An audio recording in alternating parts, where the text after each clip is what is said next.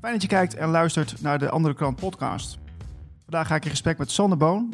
Sander is politicoloog, eh, expert op het gebied van eh, monetaire en financiële economie. Sander, fijn dat je er bent. Ja, dank je. Uh, jij bent ook publicist, hè? Je hebt ook een boek geschreven onlangs.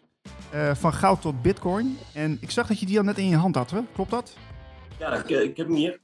Dus uh, dit boek. Het is een, ja, het is een, een spiegelbeeld, maar van goud tot bitcoin. Ja. Samen met Frank Knopers en Erik Mekking. Precies, precies. zeker de moeite waard. Je schrijft ook regelmatig voor de andere krant een aantal artikelen. En vandaag gaan we het hebben over het financiële systeem.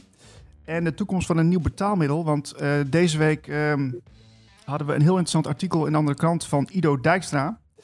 Uh, dat zal ik eventjes laten zien voor de mensen thuis. Want uh, ze zijn bezig om een nieuw digitaal betaalmiddel door te voeren. de DIEM wordt het ook wel genoemd. En ik ben heel benieuwd met jouw visie, ja, wat, wat we kunnen verwachten eigenlijk in de toekomst hiervan. Maar ik heb drie dingen die ik met jou wil bespreken. Dat is de invoering van digitaal geld. Ik laat je twee fragmenten zien die daarmee te maken hebben.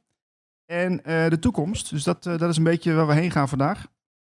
Um, maar goed, wat ik dus ook begreep is dat de Atlantic Council die zegt... ja, Nederland is eigenlijk wel een ideale proeftuin om digitaal geld in te proberen. kun, je, kun je dat uitleggen waarom Nederland zo'n ideale plek zou zijn voor zoiets? Nou ja, we hebben een, eh, een goed um, bankstelsel. We hebben um, grote banken, we hebben heel veel elektronisch betaalverkeer. Um, en de Nederlandse bank die wil ook heel graag experimenteren daarmee. Dat heeft ze ook al aan de ECB aangegeven. het is een, en, en, Nederlanders doen heel veel elektronisch bankieren. Dus, het is eigenlijk een, een. En tegelijkertijd wordt ook nog wel veel met Ehm, een, ja, een soort van ideale proeftuin voor, uh, voor banken om te kijken van hoe kunnen we dat nou gaan invoeren. Ja, precies. Um, en, en hoe willen ze dit nou aan, andere bevolkingsgroepen gaan verkopen dan? Want ik denk, uh, je kunt dat wel willen, maar uh, dan moeten mensen daar ook ja, een voordeel in zien. Hè? Dat, dus daar moeten ze er wel iets op vinden. Want we komen er zo meteen nog op, maar ik ben wel een beetje van geschrokken wat, wat, wat de team dan eigenlijk inhoudt. Uh, hoe denk je dat ze dat aan de man gaan brengen?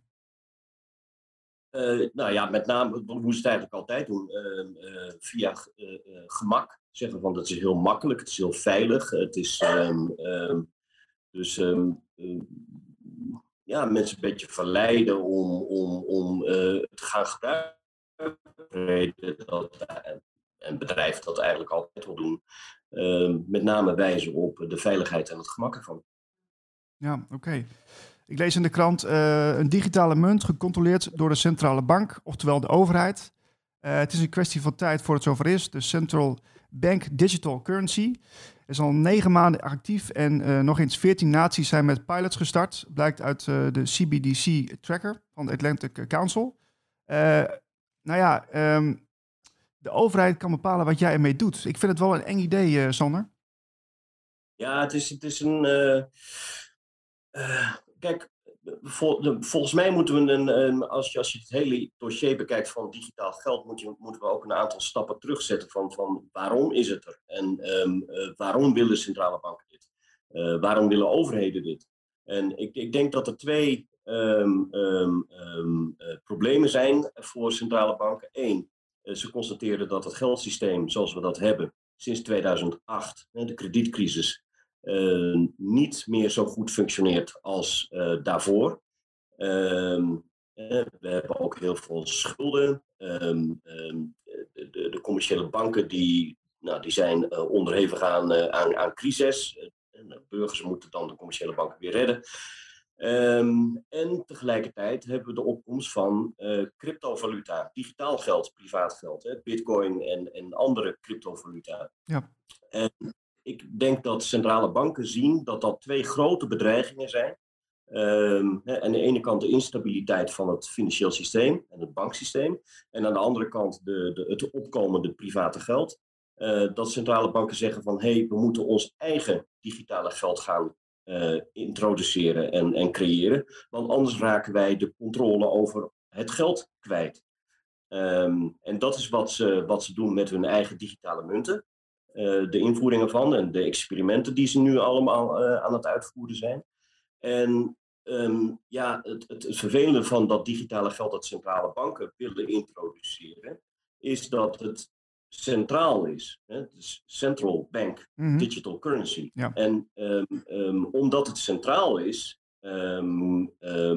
kun je daar uh, kun je dat geld in wezen programmeren. Je kunt bijvoorbeeld zeggen van nou, als mensen niet aan een bepaald CO2 uh, profiel voldoen, dan, uh, dan kunnen we ze bijvoorbeeld uitsluiten van het kopen van benzine. Uh, of, nee, dat, serieus? Is dat een beetje het idee? Nou ja, dat is waar ze nu in, in China mee aan het experimenteren zijn. Met hun, China is al heel ver met hun eigen Bank Digital Currency.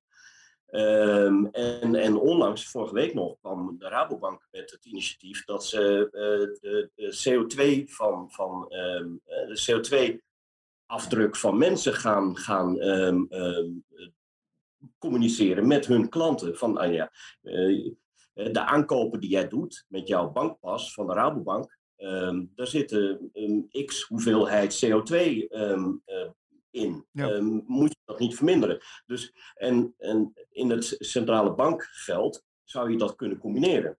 Ehm, en dat is wat, wat heel veel mensen um, erg achterdochtig maakt. Van ja, wacht eens even, wat gaat er nog meer in dat, uh, in, welke informatie gaat nog meer in dat central bank digital currency zitten? Maar goed, dat is denk ik wat, waar heel veel mensen eh, bezorgd over zijn, is dat dat inderdaad eh, programmeerbaar geld is. Uh, waarbij de privacy van mensen eigenlijk wegvalt en het gedrag kan worden gecontroleerd en gestuurd.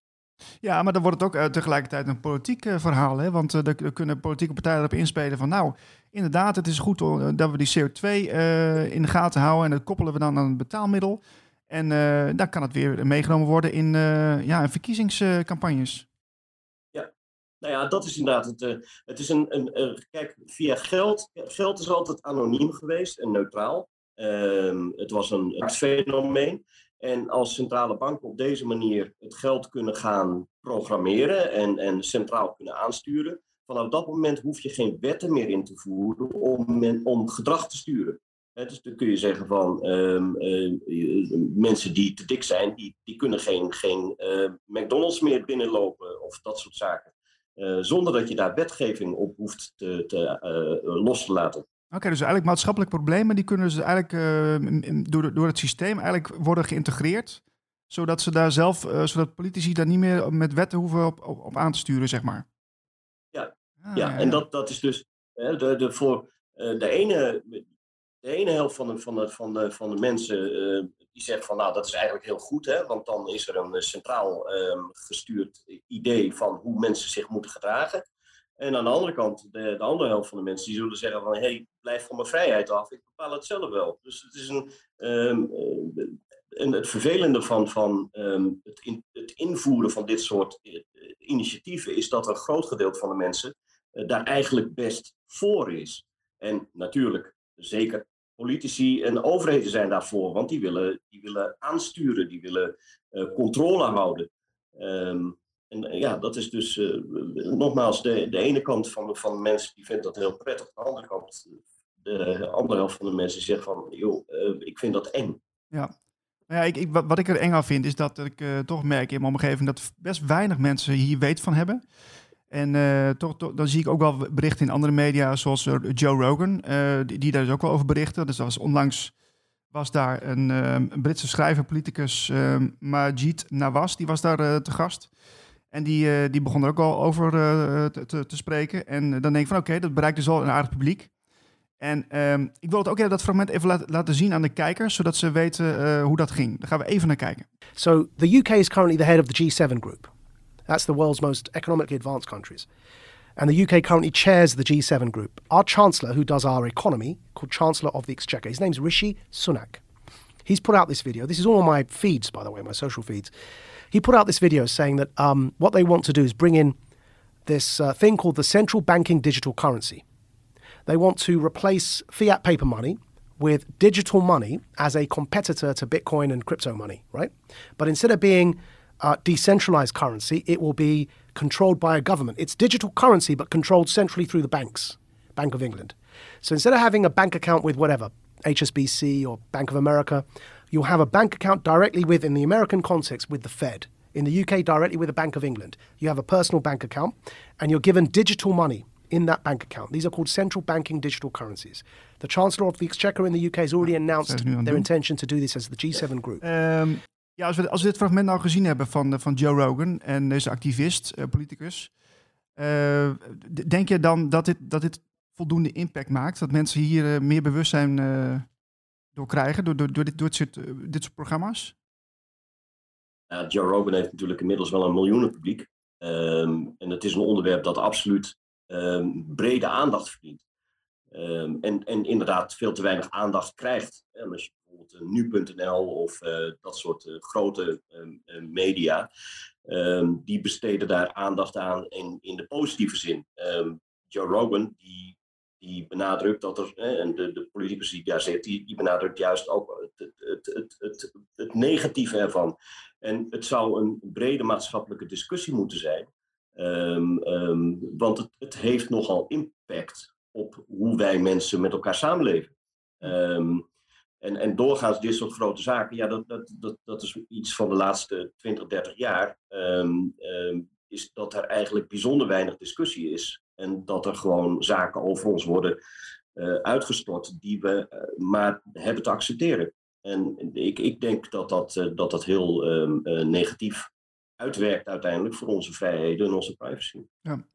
We zitten op dit moment nog steeds in, in op een schuldig gebaseerd systeem. En dat, dat kan volgens mij niet oneindig doorgaan.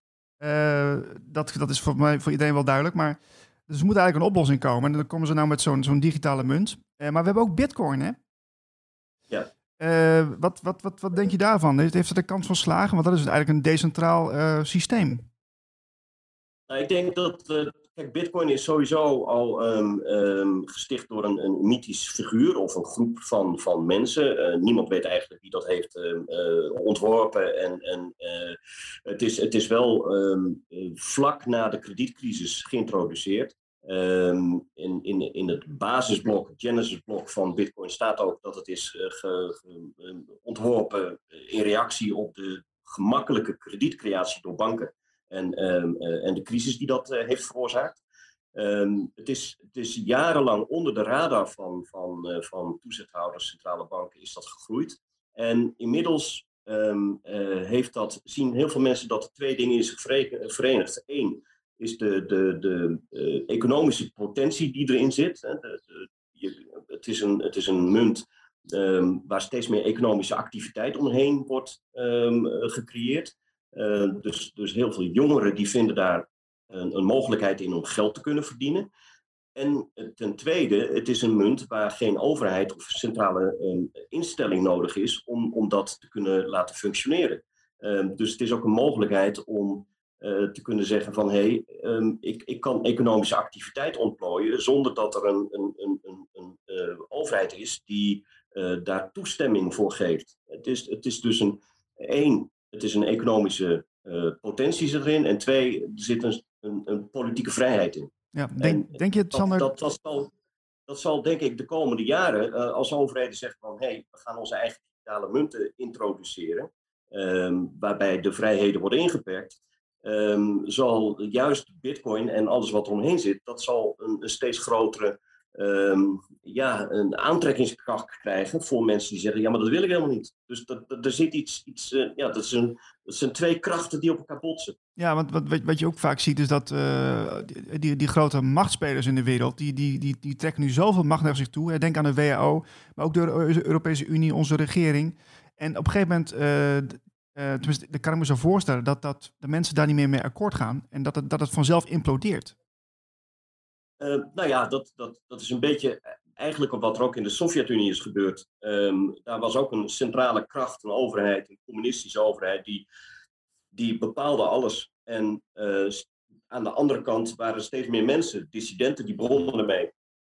Uh, die wilden daar onderuit. En die dissidenten die gingen steeds meer bij elkaar komen en daar, daar groeide ehm, groepen mensen omheen. Dat werd een soort parallele samenleving. En uiteindelijk um, implodeerde de Sovjet-Unie, omdat die twee krachten, die, die werden te groot. Hè? De, de, de, die, die stoten elkaar uiteindelijk af. En een, eenzelfde idee zie je volgens mij in, in, nu in het Westen gebeuren, waarbij overheden eigenlijk steeds meer controle willen. En er een, aan de andere kant een steeds grotere groep mensen ontstaat die zeggen, ja, maar dat willen we helemaal niet. En dat stopt elkaar af. En uiteindelijk um, uh, kan dat nooit één geheel blijven.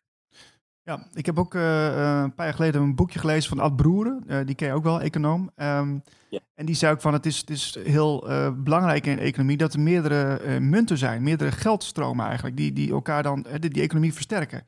Dus, dus ja. dan zou je eigenlijk kunnen zeggen van naast de bitcoin zou er ook prima nog een andere variant kunnen bestaan. Dat zou goed zijn, denk ik.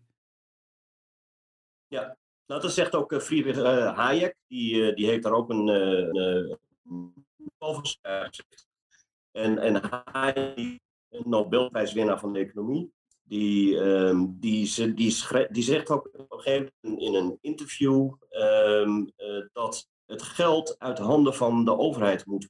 Uh, de, de, overheden die willen um, dus die controle houden. Dus dat zie je ook met het Central Bank Digital Currency. En Hayek zegt, um, het geld moet eigenlijk uit, uit handen van de overheid komen om weer een goede economie, uh, goede economie en een goede samenleving te krijgen. En, en er moeten juist heel veel concurrerende munten zijn. En um, uh, ik denk ook dat dat zo is. Uiteindelijk, um, geld is, is niet anders dan een communicatiemiddel tussen mensen die hun economische waarden met, met, met elkaar verdelen. En, en daar hoeft geen overheid tussen te zitten of, of de baas over te zijn. dus in die zin is het goed, denk ik inderdaad, als er veel concurrerende munten ontstaan. Ja. Um, we gaan even kijken naar een fragmentje uh, van nu.nl, is inmiddels alweer van een paar jaar geleden. En dan nemen ze een kijkje in de goudkluis van de Nederlandse bank.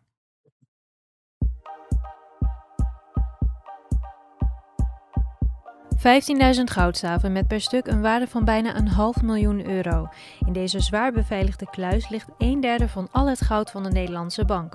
Bij hoge uitzondering wordt nu.nl toegelaten om een kijkje te nemen tussen de schappen waarvoor ruim 6 miljard aan goud ligt.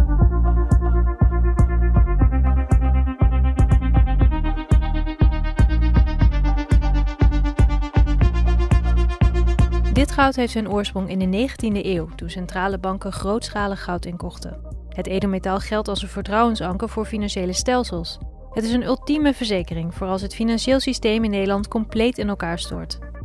Tot een eeuw geleden werd er voor hetzelfde bedrag aan biljetten uitgegeven als dat er aan goud in de kluis lag. Omdat het aantal biljetten sterk steeg, is dat directe verband inmiddels losgelaten. In deze zwaar beveiligde ruimte onder het Frederiksplein in Amsterdam ligt voor bijna 200 ton aan goudreserves opgeslagen. Elke goudstaaf heeft een gewicht van ongeveer 12,5 kilo en kent een waarde van iets meer dan 400.000 euro.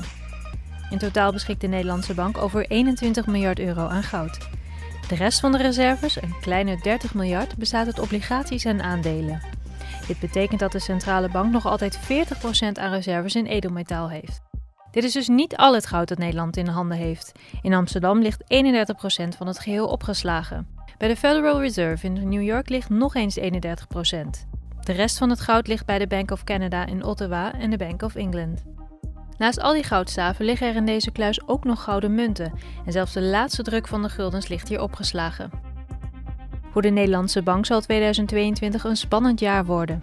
Het plan is om de goudkluis in zijn geheel te verplaatsen naar Camp New Amsterdam in de gemeente Zeist.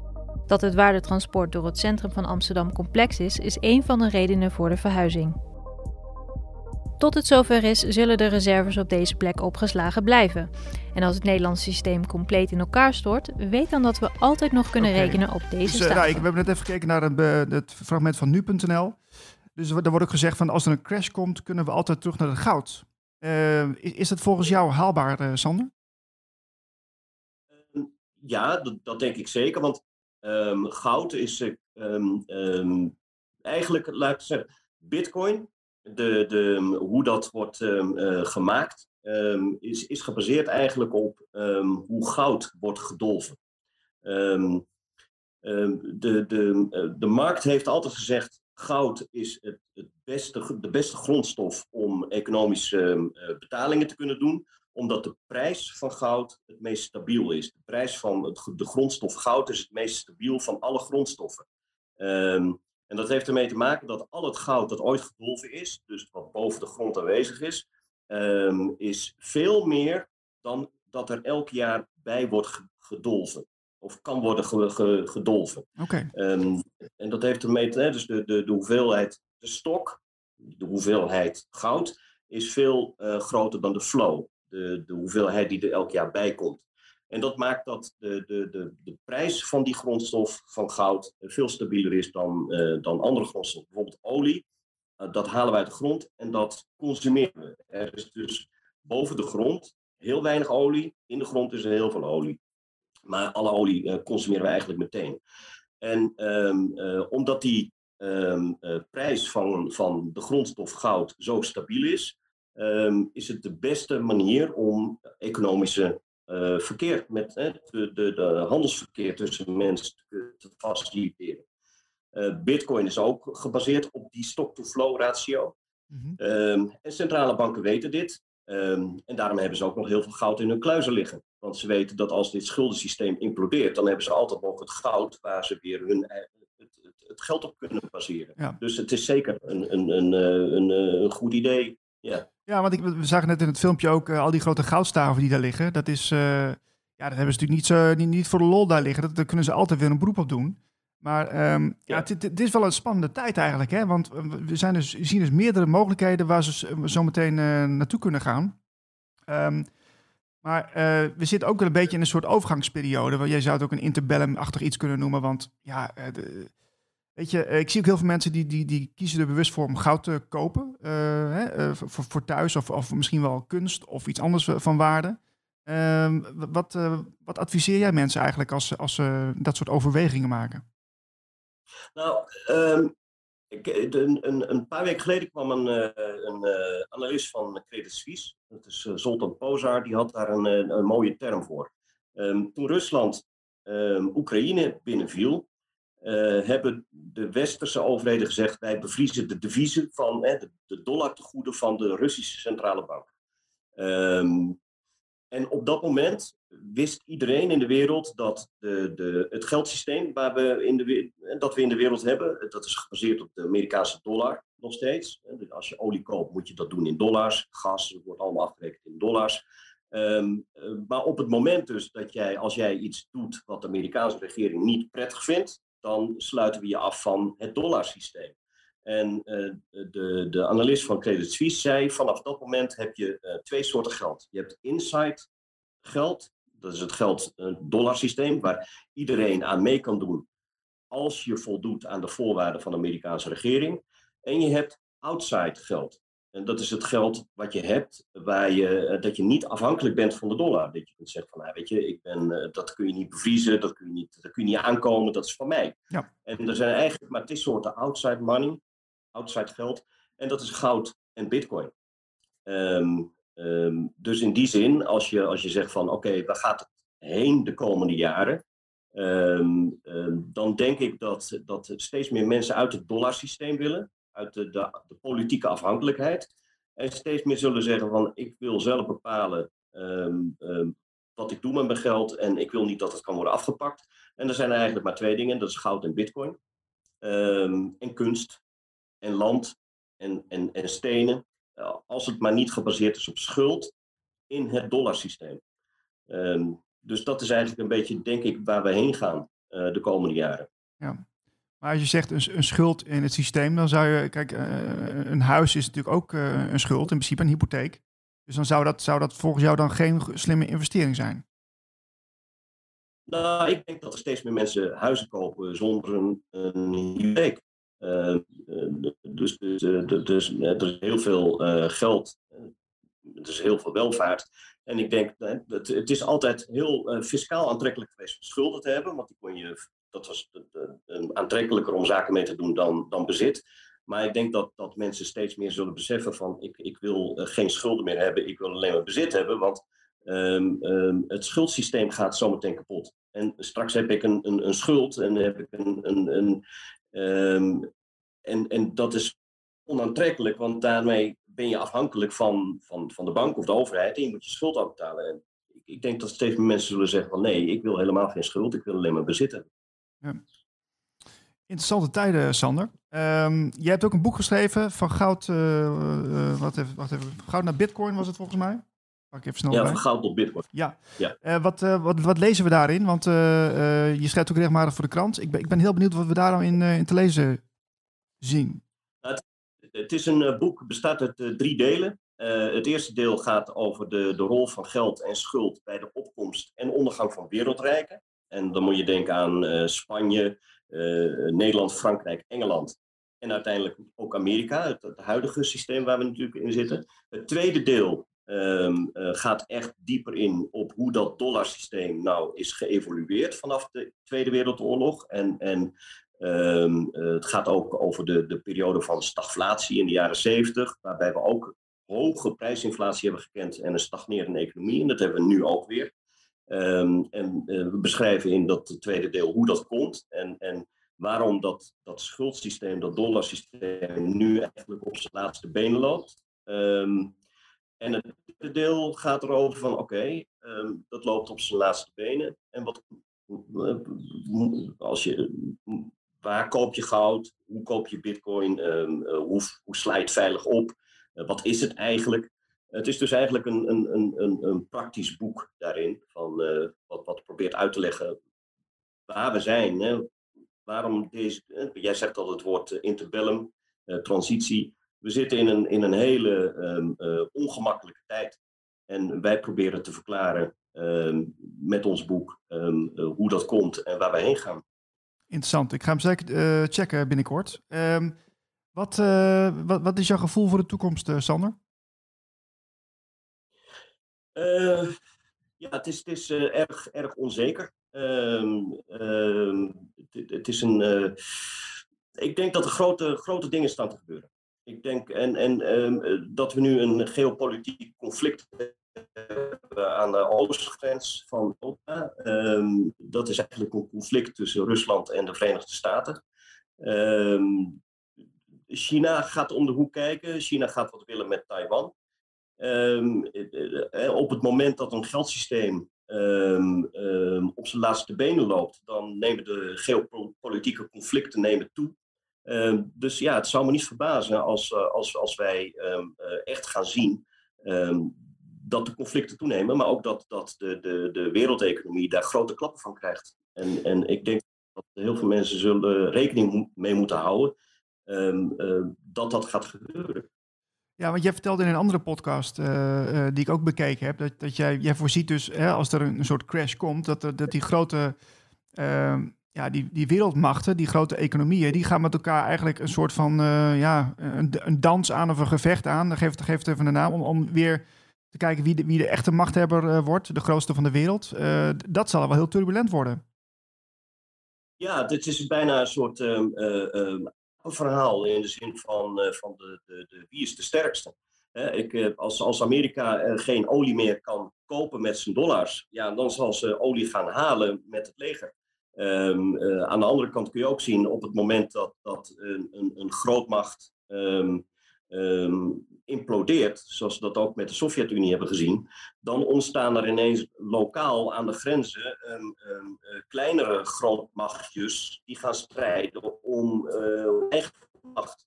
Um, je, je, ziet dus overal conflicten ontstaan op het moment dat er een verschuiving van, van, van machten uh, aan, aan de gang is. En ik denk dat we dat nu zien. De Amerikanen hebben natuurlijk na de Tweede Wereldoorlog lang een, een grote positie gehad. Um, maar als de dollar en het dollarsysteem uh, gaat, verschuiven, ja, dan zal de macht van de Amerikanen worden. En, en ja, dat is een, het is, het is een zeer fascinerend om allemaal te zien. En, maar aan de andere kant is het ook zo dat, dat ja, heel veel mensen die dachten dat ze in een, in een makkelijke, voorspelbare wereld zaten, ja, die zullen moeten constateren dat de wereld niet voorspelbaar is. Interessante tijden hoor. Um, ik wil heel erg danken voor je tijd, Sander. Heel interessant wat je te vertellen had. En uh, we spreken elkaar ongetwijfeld uh, snel weer. Oké, okay, dankjewel. Uh, iedereen dank voor het kijken. ben je nog geen abonnee op ons account? doe dat dan even, deanderkrant.nl. Eh, en eh, ja, voor 11 euro in de maand heb je een uh, jaarabonnement, zodat je goed op de hoogte bent van wat er allemaal speelt in de wereld. En doe even een likeje op dit account, dan zijn we ook weer blij. En graag tot de volgende keer. Bye bye.